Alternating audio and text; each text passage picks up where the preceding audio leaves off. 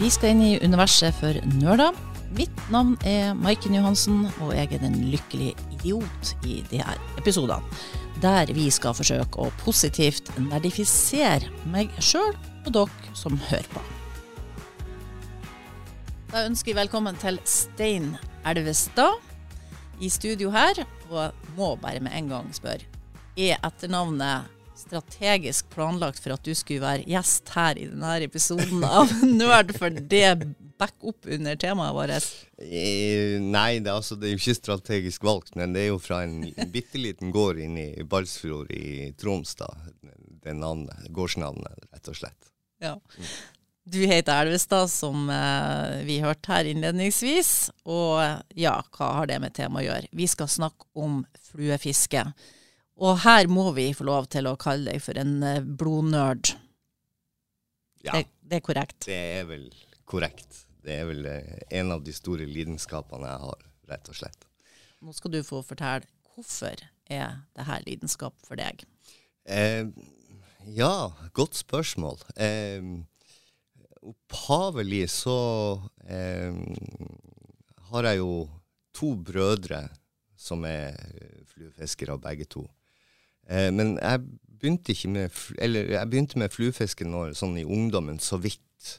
Men så forsvant jo det. Det var så mange andre ting i livet som tok overhånd. Og så eh, plukka jeg det opp i voksen alder. Så Det kan være noe genetisk. ja, det, jeg, jeg mistenker det. For det her med interessen for jakt og fiske, det, det har liksom ligget til familien eh, bakover i tid også, ikke sant. Så jeg har på en måte fått det inn med ja, med barneskoene, rett og slett. Fordi at eh, faren min tok med meg på fiske. Broren min, den eldste broren min og den andre broren min tok med meg på jakt. Og i det hele tatt så Så det har liksom kommet den veien der.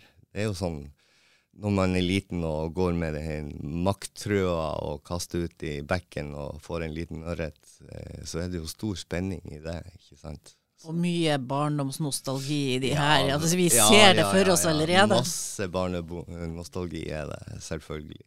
Men, men så eh, kommer jo det her med at eh, eh, man har lyst eh, Man ble nysgjerrig på, eller jeg ble nysgjerrig på det her med, med fluefiske, og jeg så jo brødrene mine som kasta, og det så så elegant ut og så tøft ut, og de fikk jo masse fisk og sånt. Og så hadde jeg også lyst til å lære det, men i ungdommen så syns jeg det var vanskelig å få til, rett og slett.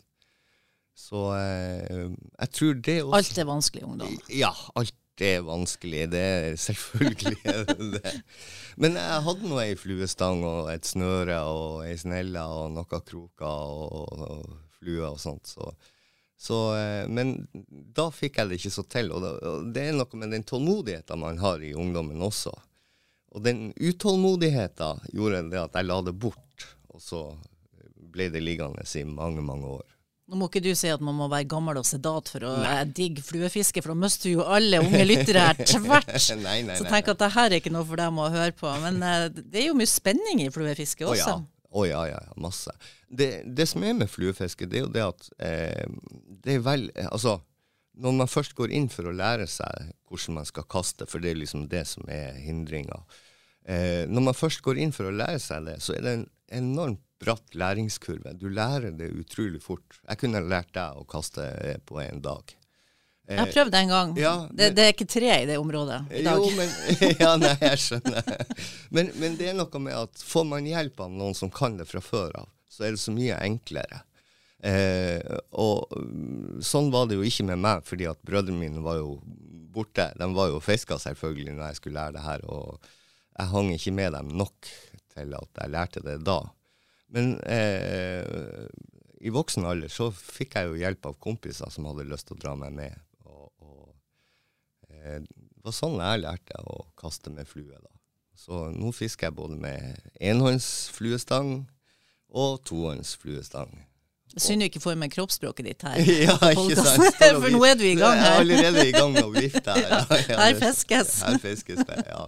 Men du sa det at det, det ble en liten pause pga. ungdomstida og andre Ja. fokus. Det er jo rett og slett Men eh, hva som gjorde at du eh, plutselig fant ut at eh, det her vil jeg ta opp igjen? Jo, jeg flytta jo på meg litt. Grann. Jeg er jo opprinnelig fra Tromsø, og så flytta jeg til Mo, for jeg fikk jobb på teatret der. Og så eh, traff jeg en, eh, en eh, gammel venn, en eh, studiekamerat fra tida i Tromsø, som sa det at ja, du må jo være med på fisketur.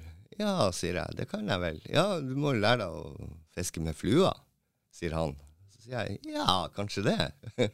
og, og, da var det i gang. Da, da, var det bare full fart, rett og slett. Da var du instant in love, liksom, med, ja. med en gang, ja, ja, det å stå i elva og kaste? Ja, og, og, trene på kasting. Og ikke stå i elva nødvendigvis, kunne stå ved et vann eller i sjøen om så. Eh, men, men, til å begynne med så var det i elva, ja.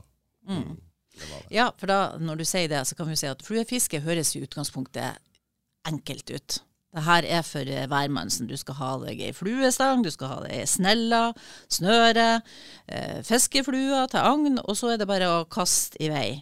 Og så kan du gjøre det, som du sa, ikke bare i elv, du, du kan gjøre det på bekker, vann og innsjøer, saltvann. Saltvann i det siste er kanskje blitt mer eh, vanlig enn det var i starten av eh, fluefiskehistorien, som du sikkert kan si mer om senere.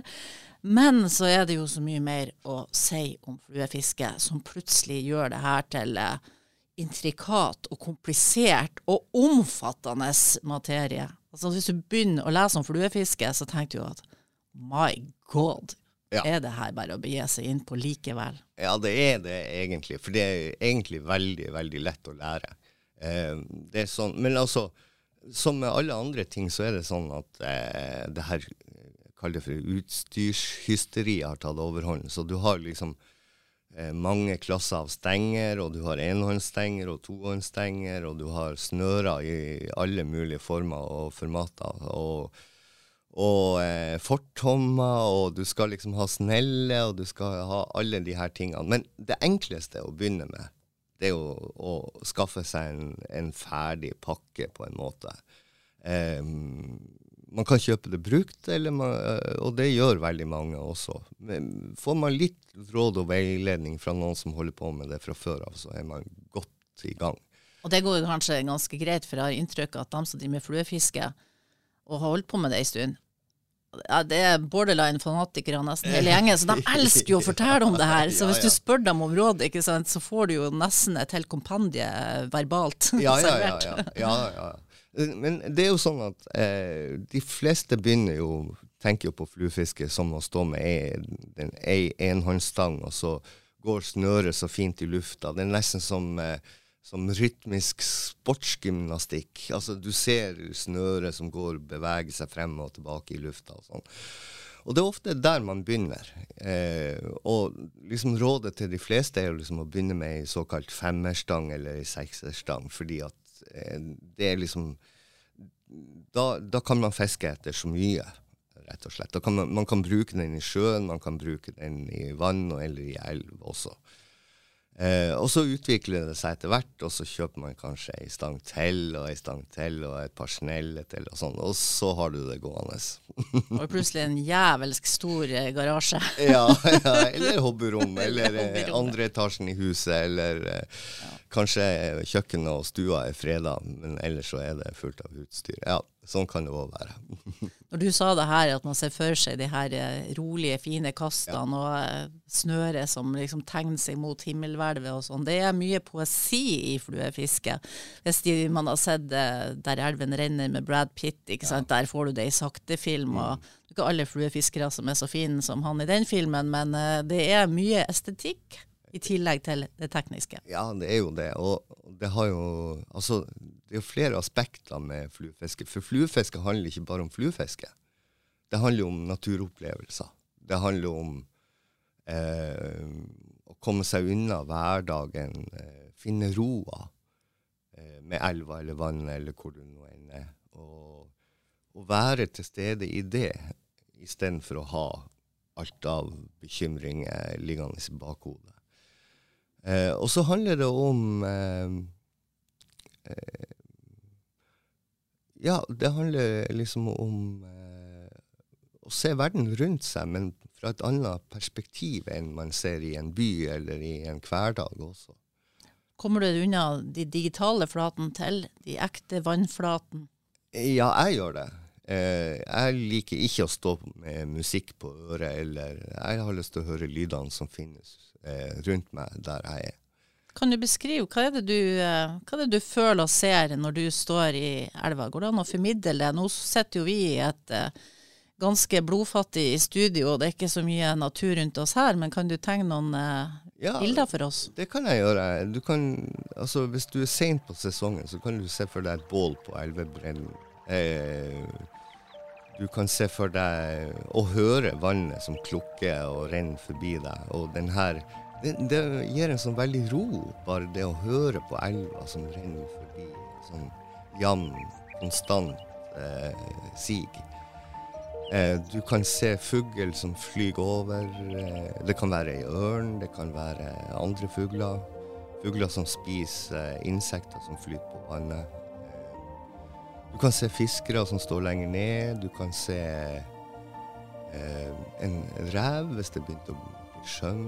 Du kan se elgen på andre sida. Andre dyr.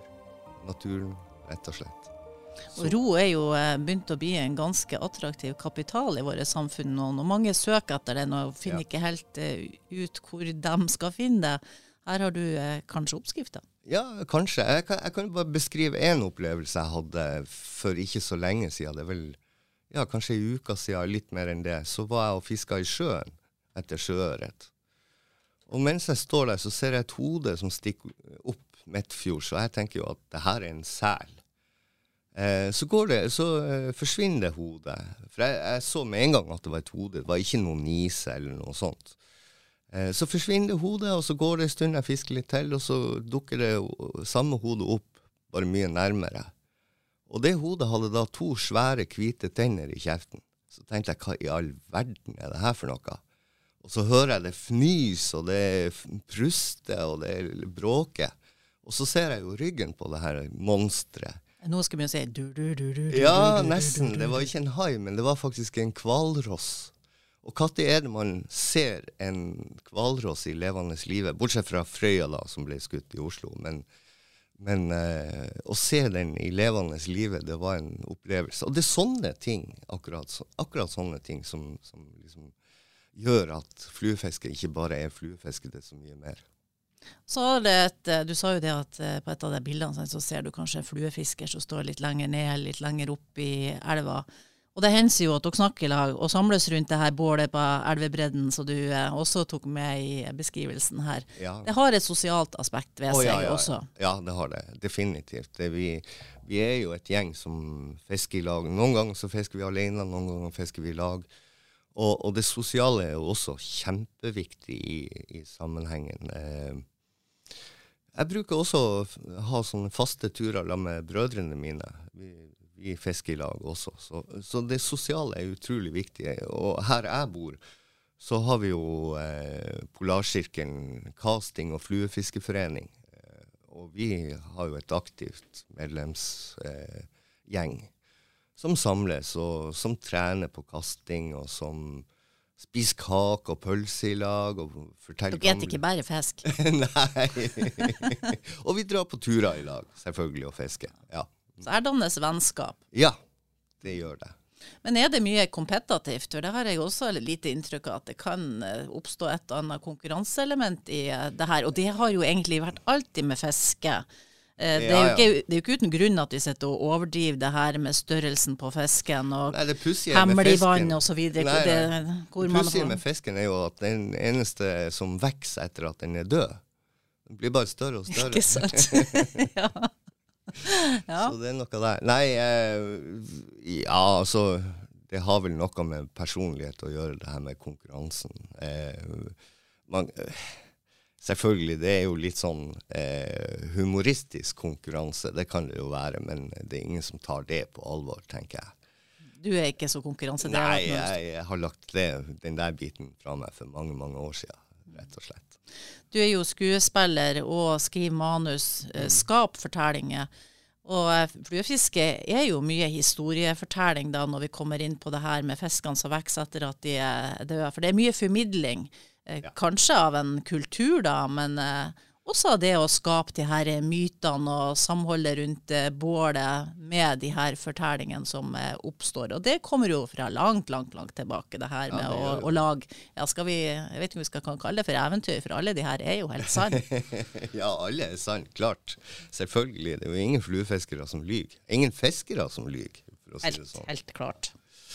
Nei, ja, eh, jeg har jo tatt den lidenskapen med meg inn i yrkessammenhengen også. Jeg lagde jo en forestilling i 2016 som het 'Kunsten å vekke døde fluer til livet', om eh, fluefiske. Og det handla jo da om hvordan lidenskapen går over fra å være en lidenskap til å bli en besettelse, og hvordan det tar overhånd i, i livet ellers. Eh, går utover ekteskap, unger, i det hele tatt yrkeslivet. og så står man der på bar bakke igjen til slutt, omtrent.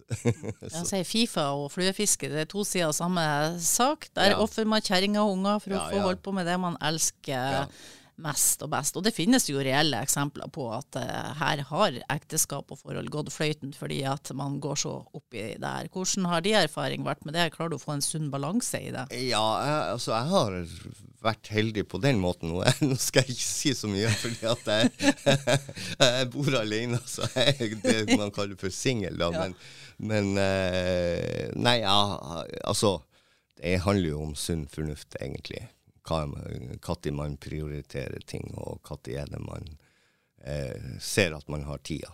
Når man er i, i forhold og i, har familie og sånt. Så.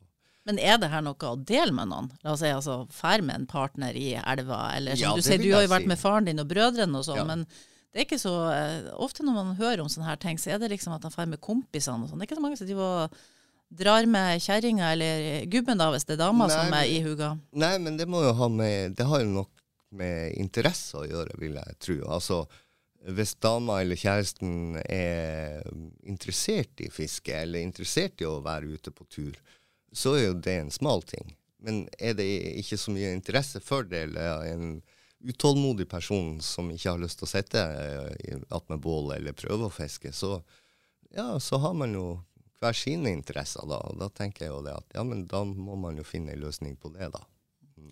Så vi er jo nødt til å snakke om utstyret ditt, Stein Ja. Elvestad, i Ja, det her. Så. snakke om utstyret mitt? Ja. ja. vel. Yes. Men i dag så er det jo eh, Akkurat som med, med slukstenger eller andre stenger, så, så lages de av glassfiberduk som rulles på det som kalles for man, mandrill, altså den forma som, som stanga skal få.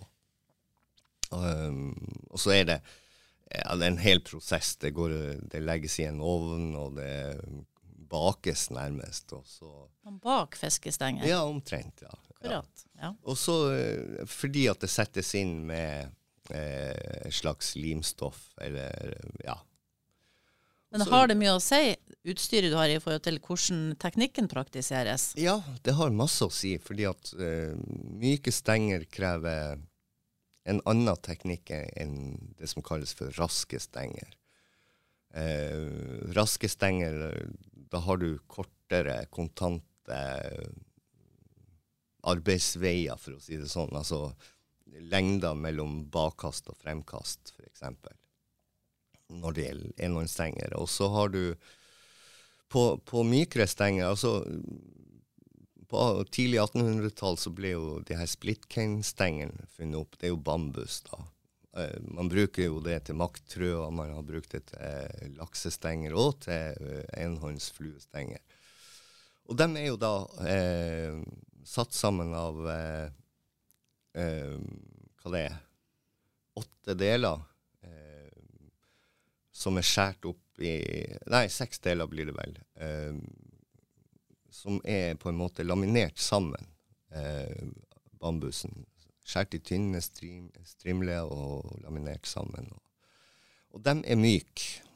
Eh, og det kreves en helt roligere eh, kastestil enn enn med de moderne stengene som finnes i dag.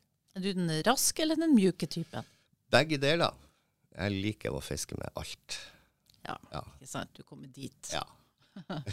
Og så har jo i det vi eh, agn med, altså selve flua. Selve flua, ja. Og det er jo en historie i seg sjøl. Det er jo en vitenskap, virker Ja, det- som. Kanskje en kunstart. det er jo det med fluefiske at fluefiske er jo ikke bare fluefiske, fordi at det har så mange aspekter. Vi har snakka om naturen og opplevelsen og alt det som er én bit ut av det. Og så har du den andre delen av hobbyen, som er fluebindinga.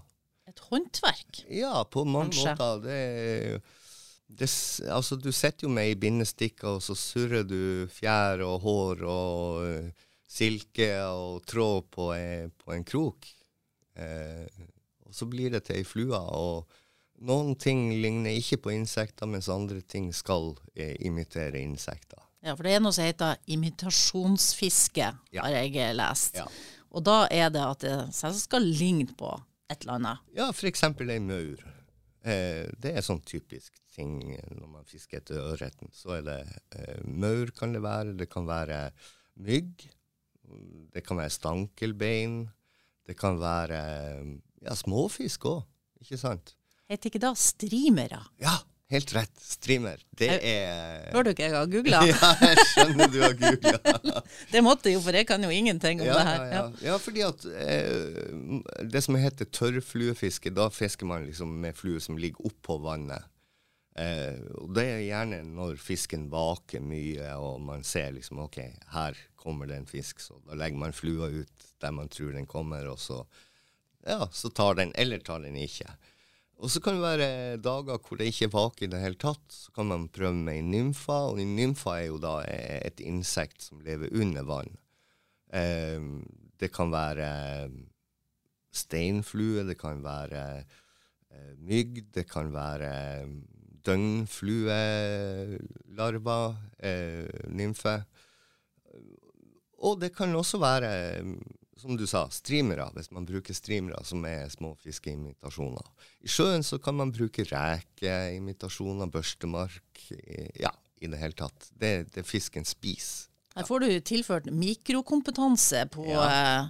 mm. naturlivet, rett og Ja. slett. Så du, du får den type kunnskap òg, hvis du vil. Ja, hvis du vil, ja. Mm. Fordi at det, det som jeg sier, når du først begynner med, med fluefiske, så utvider du på en måte horisonten. Du ser liksom OK, ehm, jeg trenger jo Istedenfor å gå og kjøpe de fluene Noen sier at det er mye billigere å bette sine egne fluer, men det er jo ikke tilfellet. For når du først går i gang med det, så må du ha det, og så må du ha det fordi at du har lyst til å binde de og de fluene. ikke sant? Så sitter du der med et lager med materiell til slutt som du kan lage masse flue ut av. Men, men eh, poenget er det at eh, denne hobbyen utvider seg. Altså for dem som har lyst til det. da. Og, og så sitter du der på vinteren og drømmer og better flue. Eh, og så er det den naturopplevelsen. Plutselig blir du interessert i hva som foregår. Hvorfor, er, hvorfor påvirker kraftverkene eh, elva? Hvorfor eh, er det fisk som er innestengt på land i den lille dammen attmed elva? Eh, yngel, ikke sant? Eh, og så begynner du å tenke ja, OK, hva er det med oppdretten? Hva, hva er det den gjør? Ikke sant? Og dermed så får du et annet perspektiv på ting enn kanskje du hadde tidligere. Noen av de her fluene, det er jo reneste kunstverkene. Altså, Ja. De er jo slående visuelle, og mange har de her fargekontrastene som er helt fantastisk. Så det er jo eh, kunstverk, som vi sa her. Og det her sitter du og fikler med sjøl. Ja, noen er jo veldig enkle. Noen er jo bare en ulldott på en krok. Mens andre kan være Du kan bruke timevis og dager og uker og måneder på hvis du vil. Eh, hvis man går tilbake i tida til ja, sånn type Victoria-tida i England eller i eh, Altså de her lakselordene. De Ja, for, for da kommer vi tilbake til historikken. Ja, Vi er vel sant. tilbake på 1800-tallet, Ja. hvor det her oppsto egentlig. Og da igjen, det er jo en gjeng med snobber som har starta det her. Egentlig så er det jo mye tidligere enn det, fordi at du hadde ei nonna som het Dame Juliana Berners fra England, som, som lagde ei bok. Eh, Det var ikke hun som eh, lagde beskrivelsen av de fluene som fantes da. Jeg tror vi er tilbake på 1400-tallet. Eh, men hun eh, satte sammen ei bok eh, som en del handla om fluefiske, og de fluene som passa til hver måned gjennom året. Eh, det var andre biter i den boka. Noe handla om eh, falkejakt, og noe handla om andre ting. ikke sant? Men, men Takk og lov at noen havner i kloster, ja, som har sant? tida til å finne ut alt det rare tingene. Nemlig. Men, men eh, de første fluestengene, det var jo eh, andre treslag. Det var, altså, I England så var det det som heter greenheart, som var tunge, ganske eh, stive stenger. Og de kasta ikke på den måten vi gjør i dag, til å begynne med. Så kom bambusstengen på 1800-tallet, og så kom jo fluen også. Og på den tida, eh, hvor England eh, var eh, koloniherrer over mange land i, i, verden, det var vel det største ja, imperiet, egentlig, som har vært i den senere tid, så, så uh, brakte de jo med seg fjær fra eksotiske fugler, ikke sant. Og, og ut av de fjærene så begynte de å bette flue. Og da hadde Det var jo voldsomme, det, fantastiske fluer som ble til da. Nå har vi jo eh, slutta å bruke de her eh, utrydningstrua fuglene, og, og sånn, så har vi har vi heller begynt å bruke eh, pels, hår, rett og slett mye eh, i den moderne verden. Men vi bruker enda fjær. Hane og høne og ja, litt andre fugler også.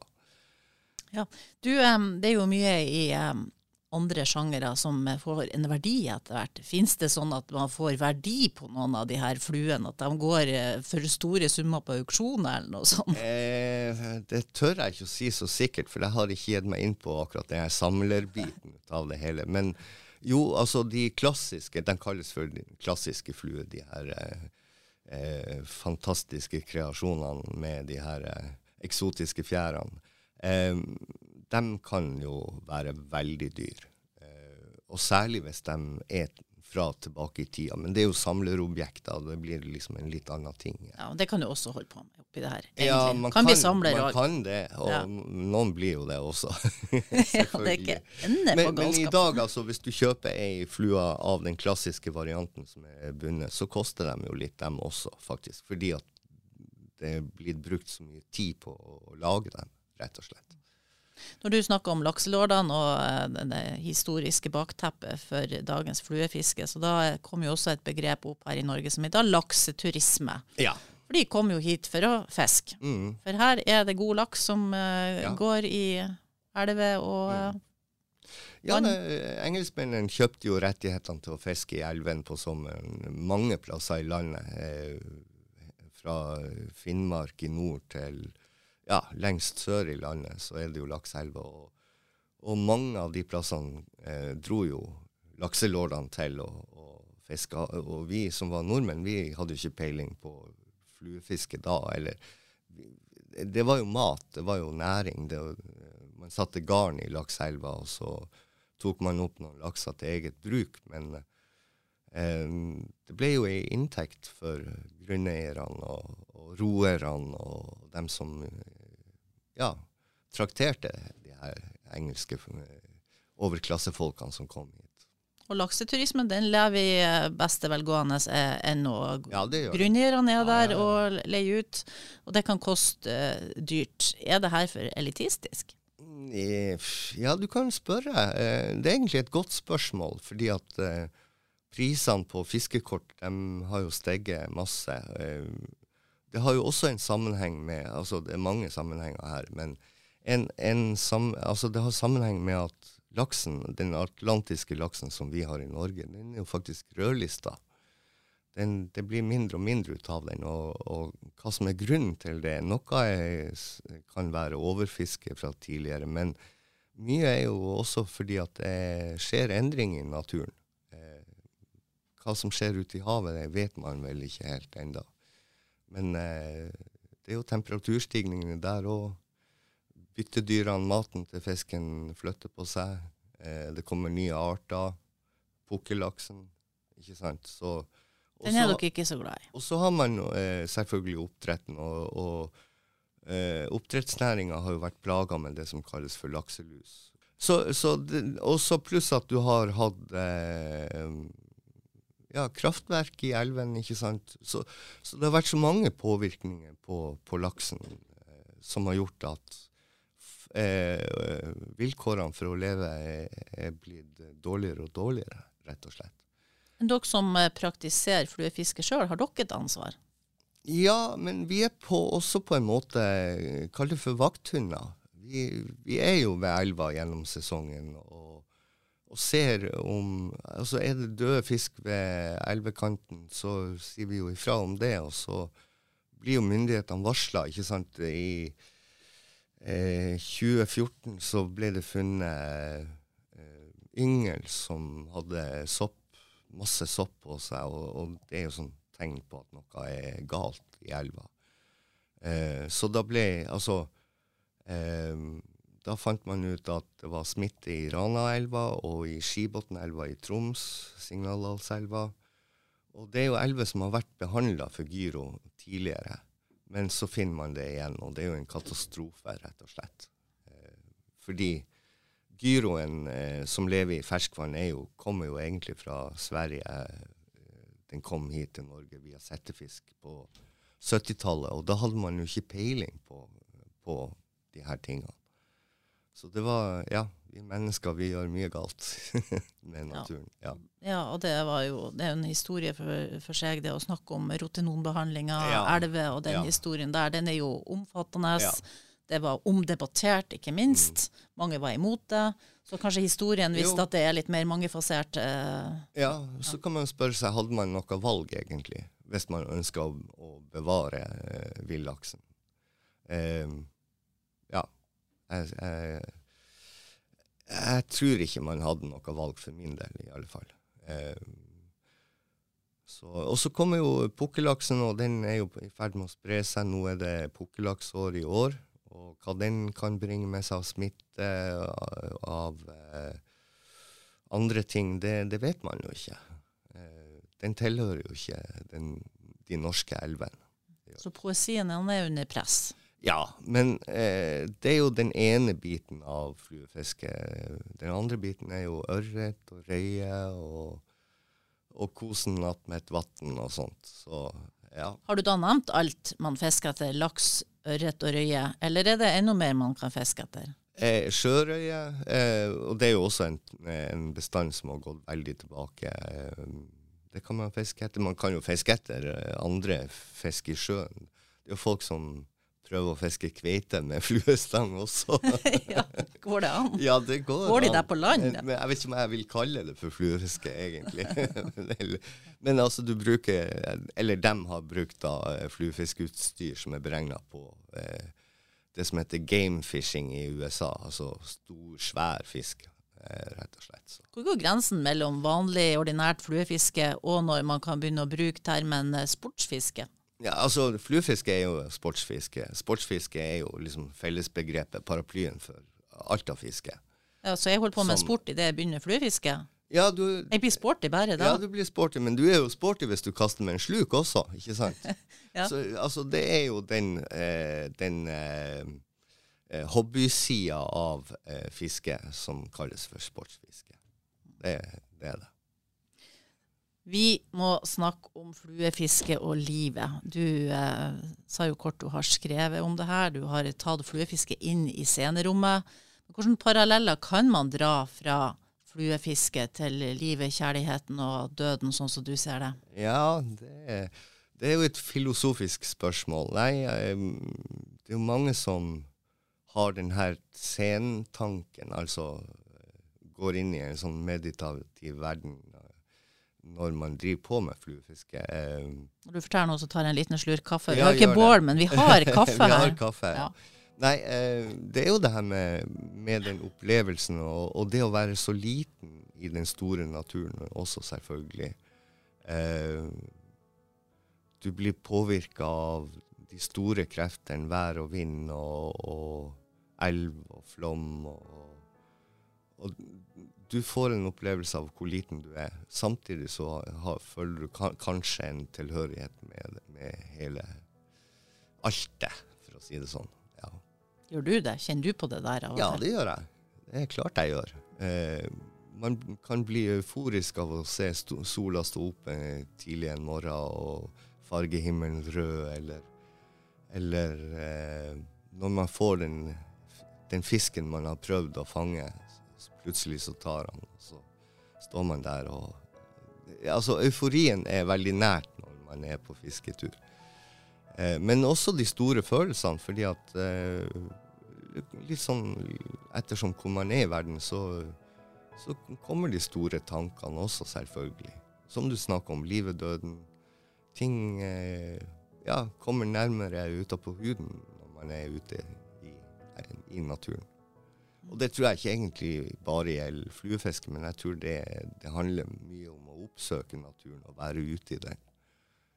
Blir man en mer lettliva og mer eh, mentalt balansert eh, person av å drive med fluefiske, tror du?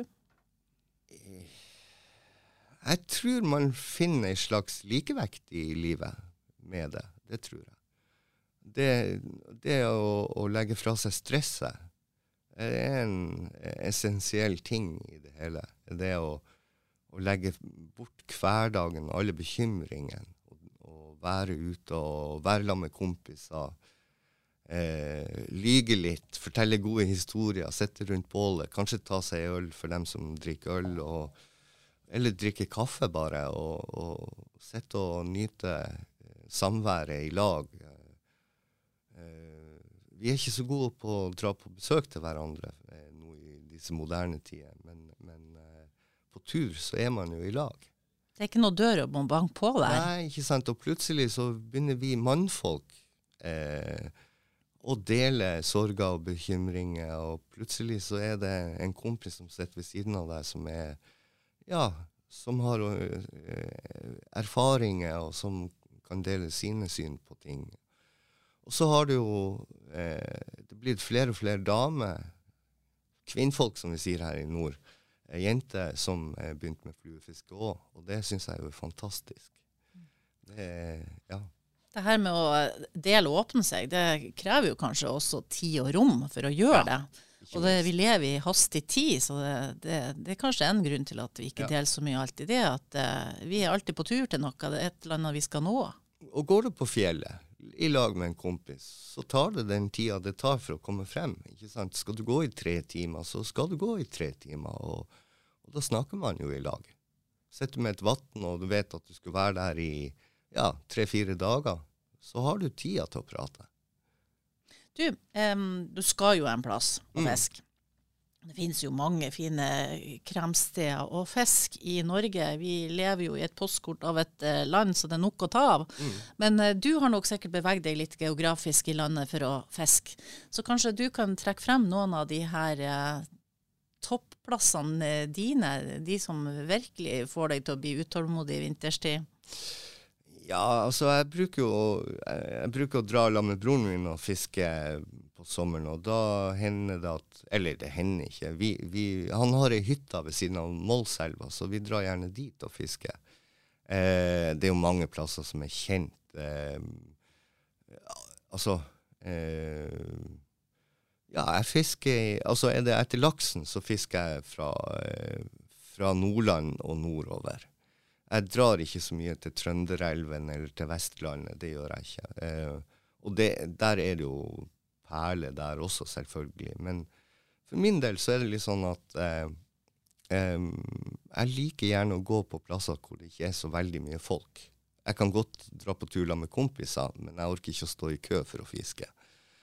Eh, jeg nevnte Målselva. Jeg fisker her i Ranelva, eh, som jeg bor, fordi at eh, ja, det er nært, det er lett tilgjengelig.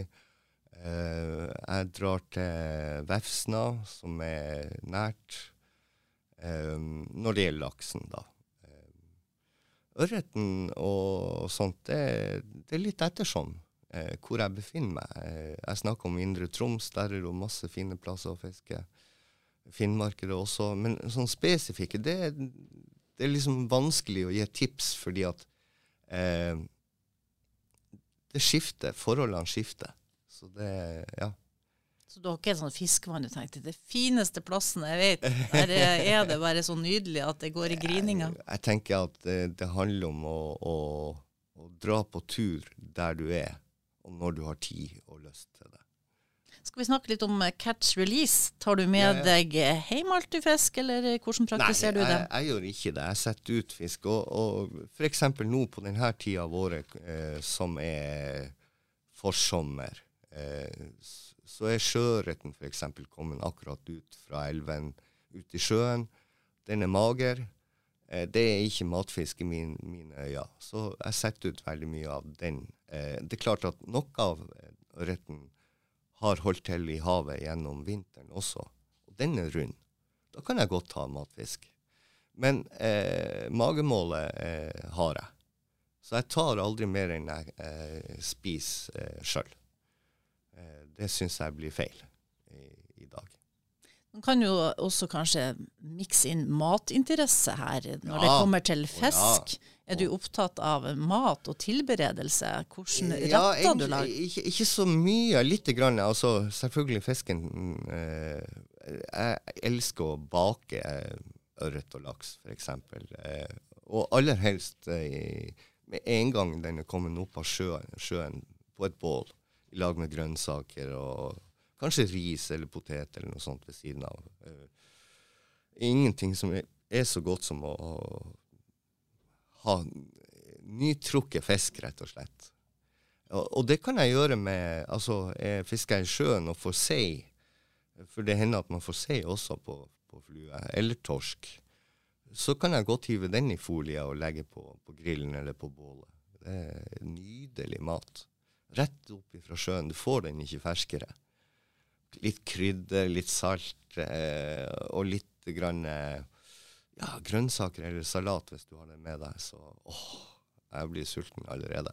Det kan jo se ut et mirakel at du er singel. Når man anføres av slike edle retter. Ja, ja, ja. ja. Det er mye om fiske i uh, film, musikk, litteratur. Har du dykka noe ned i det her, unntatt ditt eget, da? Ja, jeg, jeg, dykker mye inn i I hvert fall i litteraturen. Du nevnte jo filmen som heter 'River Runs Through, through It'. Eh, men, eh, og det var jo egentlig en bok opprinnelig. Eh, men jeg har en favorittforfatter. Han heter John Gierek. Han er amerikaner. Eh, han skriver humoristisk om fluefiske, men også om de dype tingene. Eh, så han anbefales veldig. Eh, 'Ørretboms' er tittelen på ei av bøkene. Lars Lent, som er norsk forfatter og fluefisker, har oversatt den veldig bra.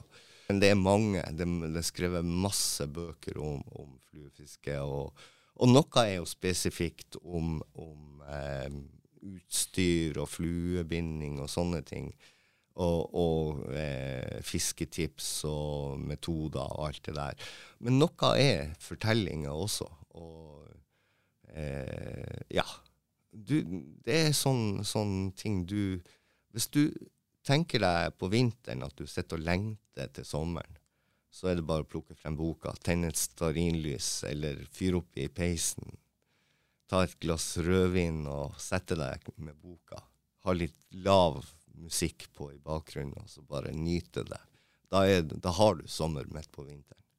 Så handler fluefiske mye om å glede seg kanskje til noe? Ja, det gjør jo det. Det er jo de store drømmene det handler om. Det er jo det. Lidenskapen, ikke sant. Det er jo det er jo det det er. Drømmenes teater finnes bare ikke i fotball, det finnes også eh, finnes der ute? Finnes definitivt der ute, ja. Mm. Helt klart. Ja. ja. For oss som er ny, som ikke har prøvd det her, hva er gode råd hvis man skulle teste ut fluefiske? Hvor skal man begynne? Det kan, når man begynner å sier, google om utstyr og sånn, så kan det nesten virke litt for stort og uoverkommelig. Ja. Men det, det, det, er litt sånn som jeg snakka om tidligere, at eh, spør noen som holder på med det.